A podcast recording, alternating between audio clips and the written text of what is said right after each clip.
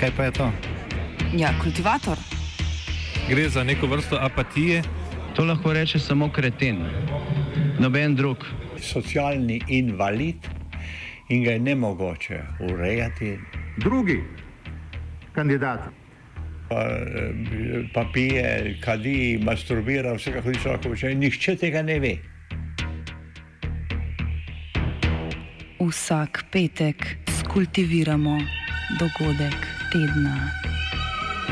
Lahko po kriterijih radio študent, težko pa po evropskih kriterijih. Ampak na drug način, kot vi to mislite. Kultivator vedno užge. Da pač nekdo sploh omenja probleme, ki so, in da pravzaprav sploh nekdo sproži dogajanje uh, v družbi. To drži, drži.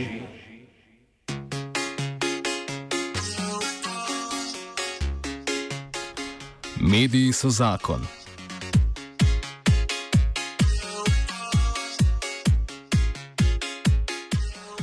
Poslušate Radio Student na frekvenci 89,3 MHz UKV stereo.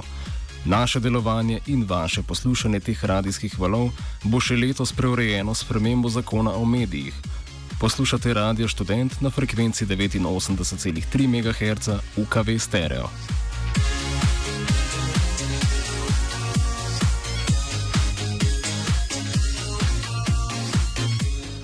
Ministrstvo za kulturo je danes dopoldan predstavilo predlog zakona o spremembah in dopolnitvah zakona o medijih in s tem odprlo javno razpravo. Sedajni zakon je po mnenju ministrstva zastarel in ne sledi medijskim tokovom digitalne dobe.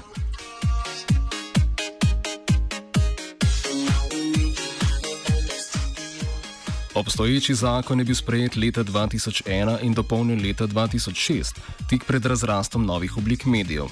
Cilji in ukrepi predloga zakona so povzeti v petih točkah.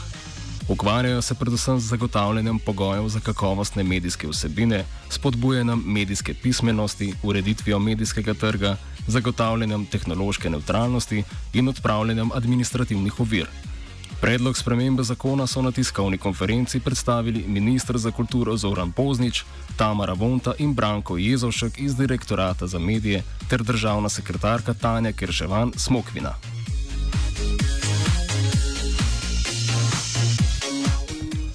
Temeljne spremembe, ki jih prinaša predlog zakona, povzame Kerševan Smokvina.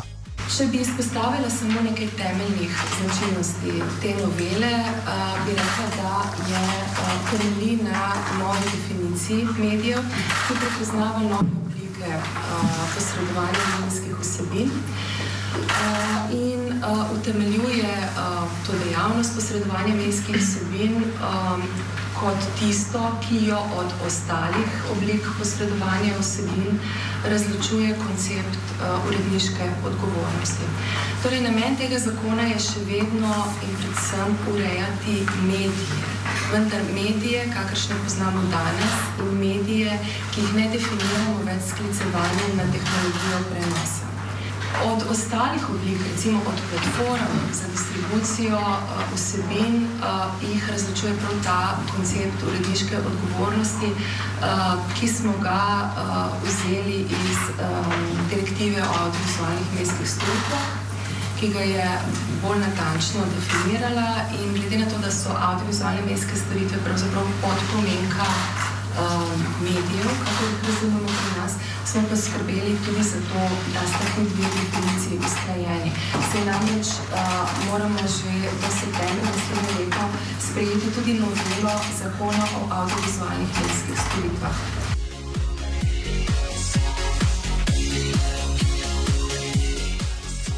Kljub prenovljeni definiciji so mediji še vedno definirani kot oblika razširjanja programskih vsebin, ki se upravlja kot gospodarska dejavnost. Žan Zupan, redakcijski strokovnjak za pravna vprašanja, pojasni, da takšna definicija izloča nekatere medije, ki so se vzpostavili v novih oblikah. Ja, prva stvar, ki jo lahko opazimo, je, da je definicija medijev še vedno vezana na gospodarsko dejavnost. Zdaj, če pogledamo gospodarsko dejavnost in kako je nekako pravno definirana, je to tisto, kar se ponuja, oziroma neka storitev ali produkt, ki se ponuja na trgu.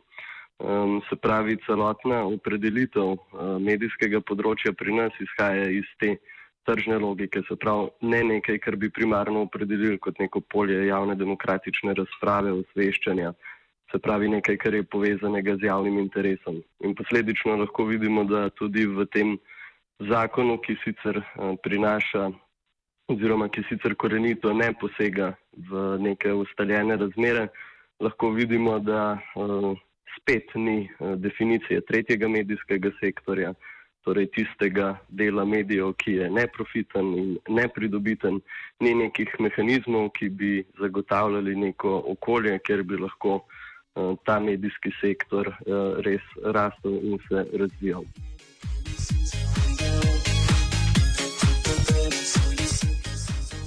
Predlog prenove in dopolnitve zakona o medijih se dotika tudi opredelitve javnega interesa v medijih.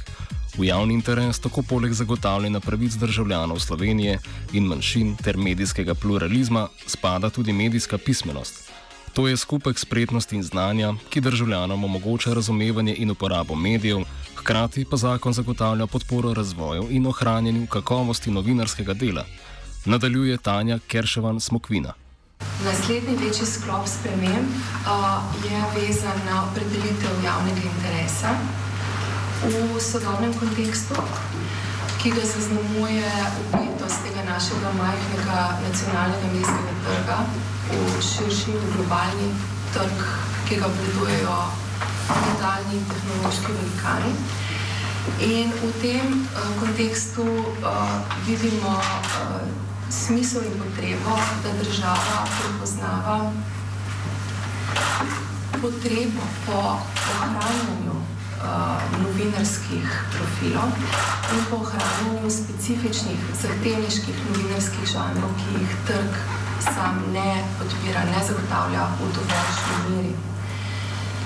Uh, tukaj smo pripravili uh, dve, uh, schemi, dve schemi javnih podpor. In sicer tako, da smo obstoječo schemo, ki je bila do sedaj eh, namenjena predvsem programom posebnega pomena, nadgradili še z eno, eh, s katero bomo predvsem eh, izvajali podporne ukrepe, kako sem že omenila, ohranjanju delovnih mest v novinarstvu, tudi možnost podajanja delovnih štipendij za preiskovalne projekte v novinarstvu. Okrepili smo področje spodbud za medijsko pismenost, ki smo jo tudi jasno definirali v zakonu o medijih, jo prepoznali kot pomembno in uh, namenili uh, sredstva za to.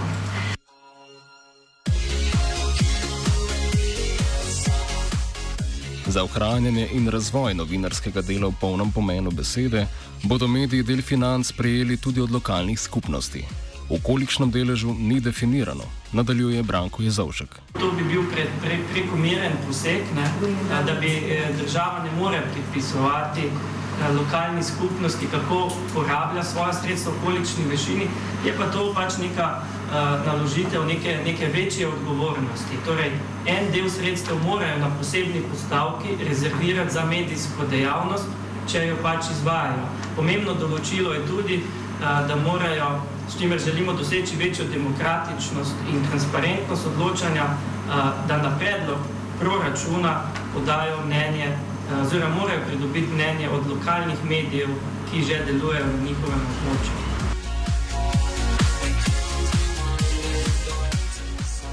Medijskega trga država ne bo več nadzirala na enak način kot doslej.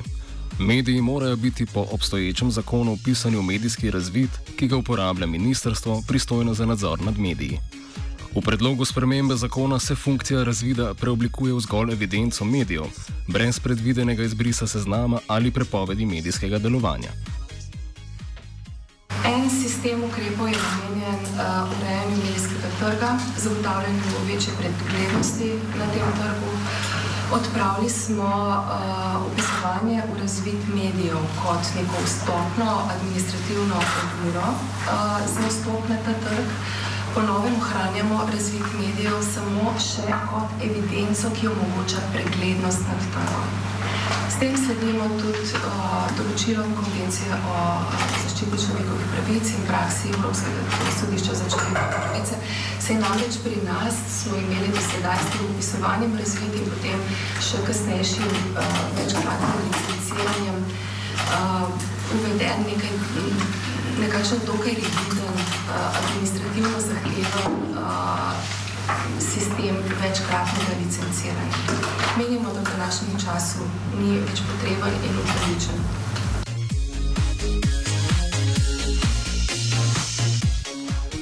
Obstoječi zakon o medijih že tako prepoveduje koncentracijo medijev v lastništvu ene osebe ali povezanih oseb, ministrstvo pa v zakon dodaja nov kriterij. Kot pojasni Kerševan Smokvina, ne bo prepovedano zgolj lastništvo v različnih medijih, temveč tudi nadzor in vpliv v medijih, ki nista povezana z lastninskim deležem. Del odgovornosti za odkrivanje koncentracije na področju medijev bosta prevzeli Agencija za komunikacijska omrežja in storitve in Agencija za varovanje konkurence. Posodobili smo tudi model um, omejevanja škodljivih učinkov koncentracije medijskega lastništva. Poudarjam um, omejevanje škodljivih učinkov. Namreč uh, dosedajšnji sistem je temeljil na uh, dokaj rigidnih uh, omejitvah in skrižnih povezav. Določeni učinki so bili utemeljeni še s presojo na podlagi analognih tehnologij. Zdajšnji model omogoča več prožnosti, tudi prenaša odgovornost vodenja postopka na Agencijo za komunikacijska omrežja in storitve. To smo storili v skrbnem posvetovanju s Ministrstvom za javno pravo in tudi samim regulatorjem. Vključuje pa tudi vlogo Agencije za varstvo konkurence in Ministrstvo za kulturo. Ministrstvo za kulturo nastopi tu v vlogi podajalca mnenja za presojo javnega interesa, kadar gre za koncentracije na področju medijev. Določili smo tudi pragove, v katerih primerih je treba take koncentracije prijavljati, ki so nižji, kot sicer velja v splošni zakonodaji, ki obravnava konkurenco na trgu in so specifični za medije. In določili tudi set kriterijev, ki določajo, je test javnega interesa, da bi kar se da omejili neko arbitrarnost in subjektivnost tega mnenja. Določili smo tudi sodelovanje posebne strokovne komisije, ki se imenuje na podlagi javnega poziva iz strokovnjakov specifičnih področij, ki jih predlagajo uh, relevantna združenja in stanovske organizacije z tega področja, torej z področja medijev.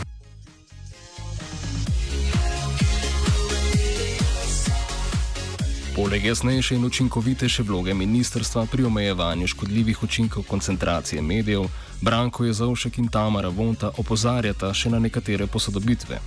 Ustanovljena bo namreč strokovna komisija za omejevanje koncentracije medijev. Novo je tudi to, da mnenje relevantne organizacije, ki delujejo na področju medijev, se pravi, spet smo tukaj pri uh, tistih, ki smo jih že omenjali. Ja, podajo svoje mnenje. In, in nov je tudi obseg presoje. Torej, ne gre več za presojo pridobivanja, samo pridobivanja nekega lastniškega deleža, ampak, ampak gre za pridobivanje kontrole v izdajatelju medija ali z njim povezanih osebah na način torej njegovih gospodujočih, odvisnih osebah, oziroma presojala se bo koncentracija v vseh primerih, ko bo ko bo eno izmed podjetij, ki so udeležene v tej koncentraciji, izdajatelj medijev. Torej, zajeti so sedaj res vsi primeri, ne more se več zgoditi eh, situacija, ne, kot so pač bile v preteklosti, ker določeni primeri niso bili zajeti.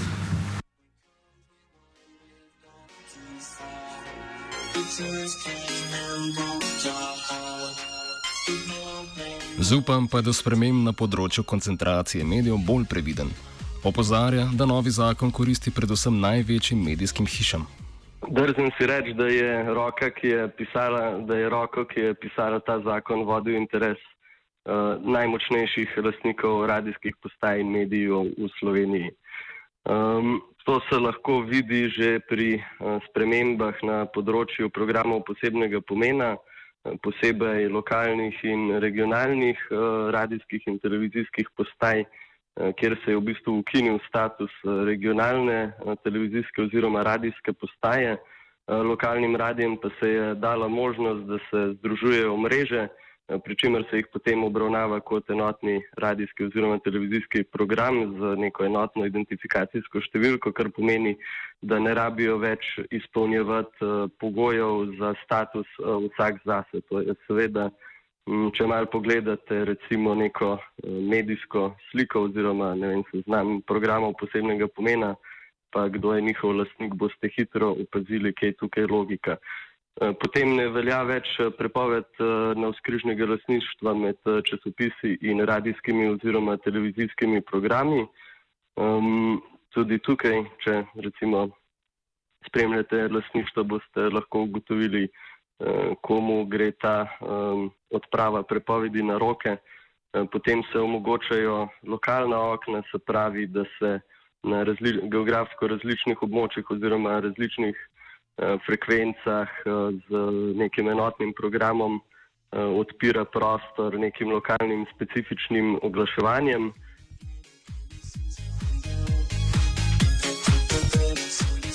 Najbolj perit sklop sprememb je zagotovo na področju svobode govora. Zakon, ki je trenutno v uporabi, je namreč predvideval kazanski pregon vsebin, ki nagovarjajo k, disk k diskriminaciji ali zatiranju manjšinskih pravic le na področju oglaševanja. Po novem bodo obravnavani tudi vsebinski programi medijev, sankcije pa bo izvajal inšpektor. Ta bo lahko najprej zahteval odstranitev sporne vsebine, če medij zahteva, zahteve ne bo upošteval, pa bo sledila denarna kazen. Tanja Kerševan Smokvina. Ideja uh, te dopolnitve zakona na področju uh, omejevanja, spodbujanja neenakosti in razpihovanja sovraštva in nestrpnosti je predvsem v tem, da odpravljamo, mi dejansko imamo, že v zdajšnji ureditvi imamo jasno prepoved, eh, ki pa je ni bilo mogoče izvrševati. In tudi v zakonu obstaja nesorazmerje med tem, kako je urejeno spodbujanje nestrpnosti in neenakopravnosti v programskih, torej v uredniško oblikovanih osebinah in kako je ta isti pojav omejen v oglasnih osebinah. Za oglasne vsebine zakon iz meni neznanega razloga predvideva globe in to zelo visoke, za programske vsebine pa ne. Torej, mi prva stvar je bila, da smo poenotili možnost ukrepanja na ravni obeh vrst vsebin. Ne? In sicer tako, da je prvi ukrep, k kateremu napotujemo inšpektorja, izrek ukrepa odstranitve nezakonite vsebine. Torej, kadar je določena vsebina prepoznana kot nezakonita po teh kriterijih. Ne? Šele v primeru neukrepanja um, je potem bi bila praksa izrekanja sankcij, glob. Globe so v razponu od 1000 do 10 tisoč evrov.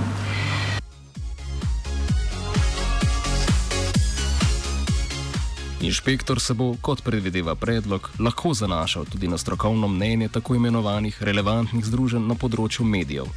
Ta združenja ostajajo nedefinirana, inšpektor pa se bo lahko sam odločil, katero združenje je relevantno v posameznem primeru.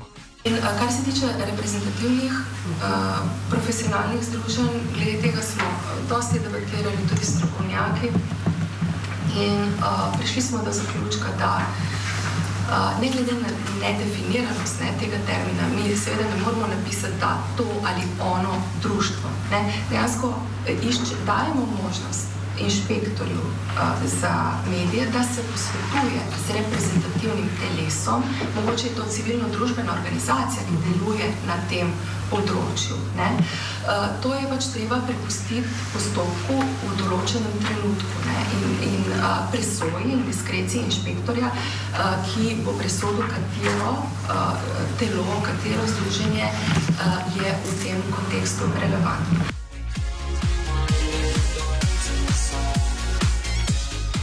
Drugače pa je urejen sistem kaznovanja sovražnega govora na medijskih portalih, ki omogočajo komentiranje. Jezovšek iz direktorata za medije pojasni, da predlog zakona zahteva uredniško regulacijo komentarjev na medijskih spletnih straneh. Še ena stvar, ki je tu pomembna, je pa, da je pa ureditev na področju komentiranja je pa drugačna. Tu, tu puščamo samo regulacijo medijev, torej ostaja obveznost, da tisti mediji, ki imajo možnost komentiranja, ne, da morajo sprejeti pravila za komentiranje in jih javno objaviti, dodajamo obveznost, da morajo v teh pravilih določiti tudi prepoved objave pomenovanega sovražnega govora. Ampak ta določila izvajajo samo. Torej, inšpektor ne bo presojal, ali, ali je posamezen ko ko komentar vsebuje elemente sovražnega govora.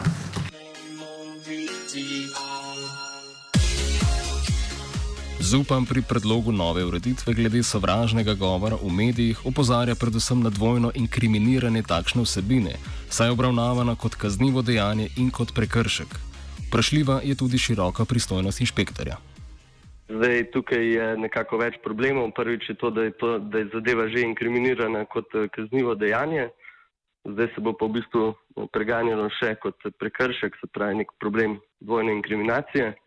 Mm, potem je tukaj uh, tudi ta problem, da zdaj pristojni organ za te prekrškovne ukrepe bo inšpektorat, pravi organ na ministrstvu, taj pa seveda uh, podvržen nekim uh, političnim uh, pritiskom in pač neki konstelaciji sil na ministrstvu, kar pomeni, da se bo pač lahko uh, sankcioniralo uh, z upravnimi globami tiste, uh, ki pač ne bojo najbolj uh, politično povšeči trenutni sestavi ministrstva.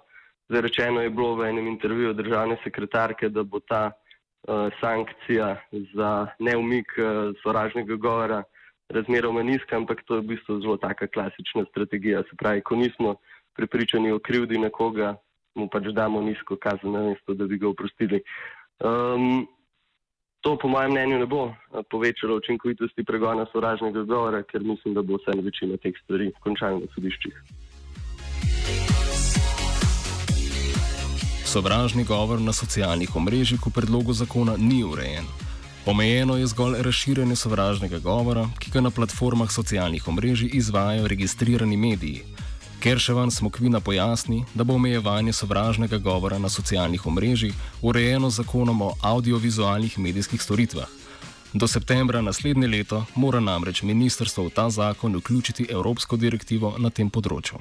Ne bo urejal dejavnosti platform tak, urejal bo seveda dejavnosti političnih medijev, ki uporabljajo te platforme. Torej, če medij publicira vrstne vsebine na Facebooku, je prav tako ne, uh, lahko prepoznana kršitev. Uh, je pa tako, no, uh, sama direktiva, ki smo jo večkrat že omenili danes, direktiva o audiovizualnih medijskih storitvah, preživljena lansko leto, uh, vsebuje zelo jasne podlage, evropske pravne podlage za uh, omejevanje tovrstnega govora in spodbujanja k terorizmu, vojni in tako naprej, zaščite otrok. Ne. Tudi na platformah za izmenjavo videosebin. Torej, z, s prenovo zakona o audiovizualnih medijskih storitvah dobimo tudi razširitev pristojnosti deloma na uh, te platforme. Sicer ne bomo mi pristojni za YouTube, ne, ampak bo verjetno nek drug regulator v Evropi izvajal regulacijo ne, za nas in za ostale.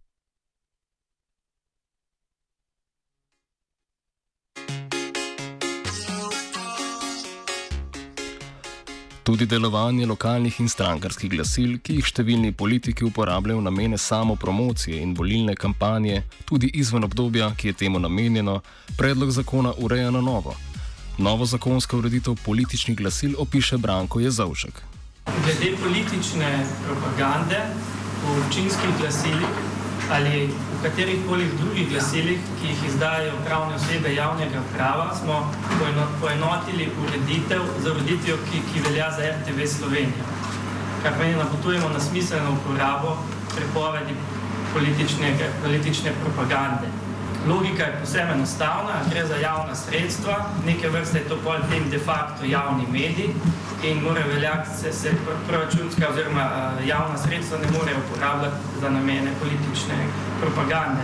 Uh, politična propaganda je dovoljena, tako kot določa v zakonu o RTV Sloveniji v času uh, volilnih kampanj, v skladu z področnim zakonom, vendar morajo se smiselno uporabljati pravila, ki veljajo za RTV Slovenijo, torej o enakih pogojih, ki jih imajo kandidati oziroma politične stranke. Pomembno področje, oziroma katerim posegamo na področje lokalne samouprave, je določilo naložitev obveznosti lokalnim samoupravnim skupnostim, da tudi one prevzamejo del odgovornosti za uresničevanje javnega interesa na področju javnih ja, pravica do obveščenosti v lokalnih območjih. Um, iz raziskav oziroma dejansko stanje je pač takšno, da, da samopravne lokalne skupnosti namenjajo uh, kar velik del sredstev uh, za namene informiranja. S tem zakonom uh, želimo doseči, da se ta sredstva namenijo nek transparenten način prek javnih razpisov uh, v večji meri tudi zasebni obudi oziroma zasebnim medijem, ki delujejo v lokalnih območjih. Ne moremo, ne prepovedujemo jim, da uporabljajo te namene, uh, ta, ta sredstva za namene uh, lastnega informiranja.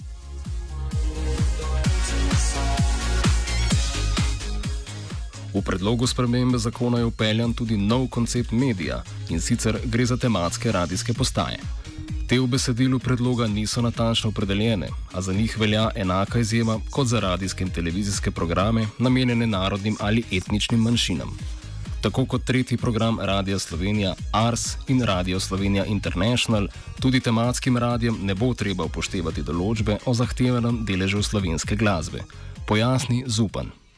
Zakon prinaša tudi možnost tematskih radijev, um, kar je pomembno v aspektu odstopa od principa um, slovenskih kvot, um, ki jih sicer na tem mestu ne bi komentiral, ampak že sama ta slaba opredeljenost tematskih radijev nam nekako um, nič ne pove o tem, kdo bo lahko iz tega izuzet.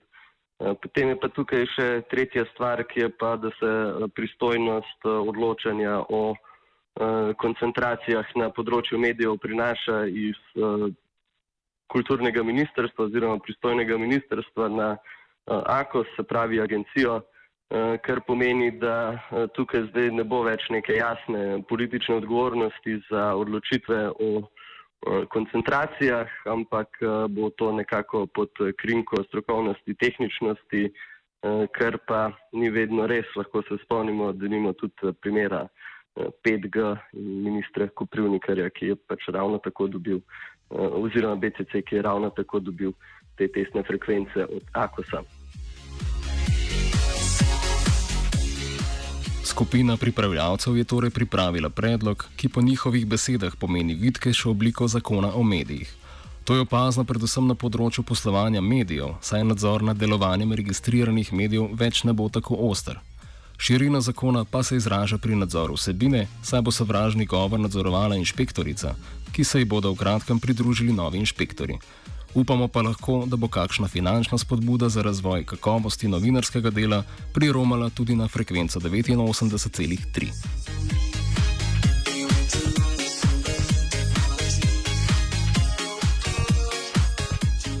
Zakon o medijih je skultiviral Virant.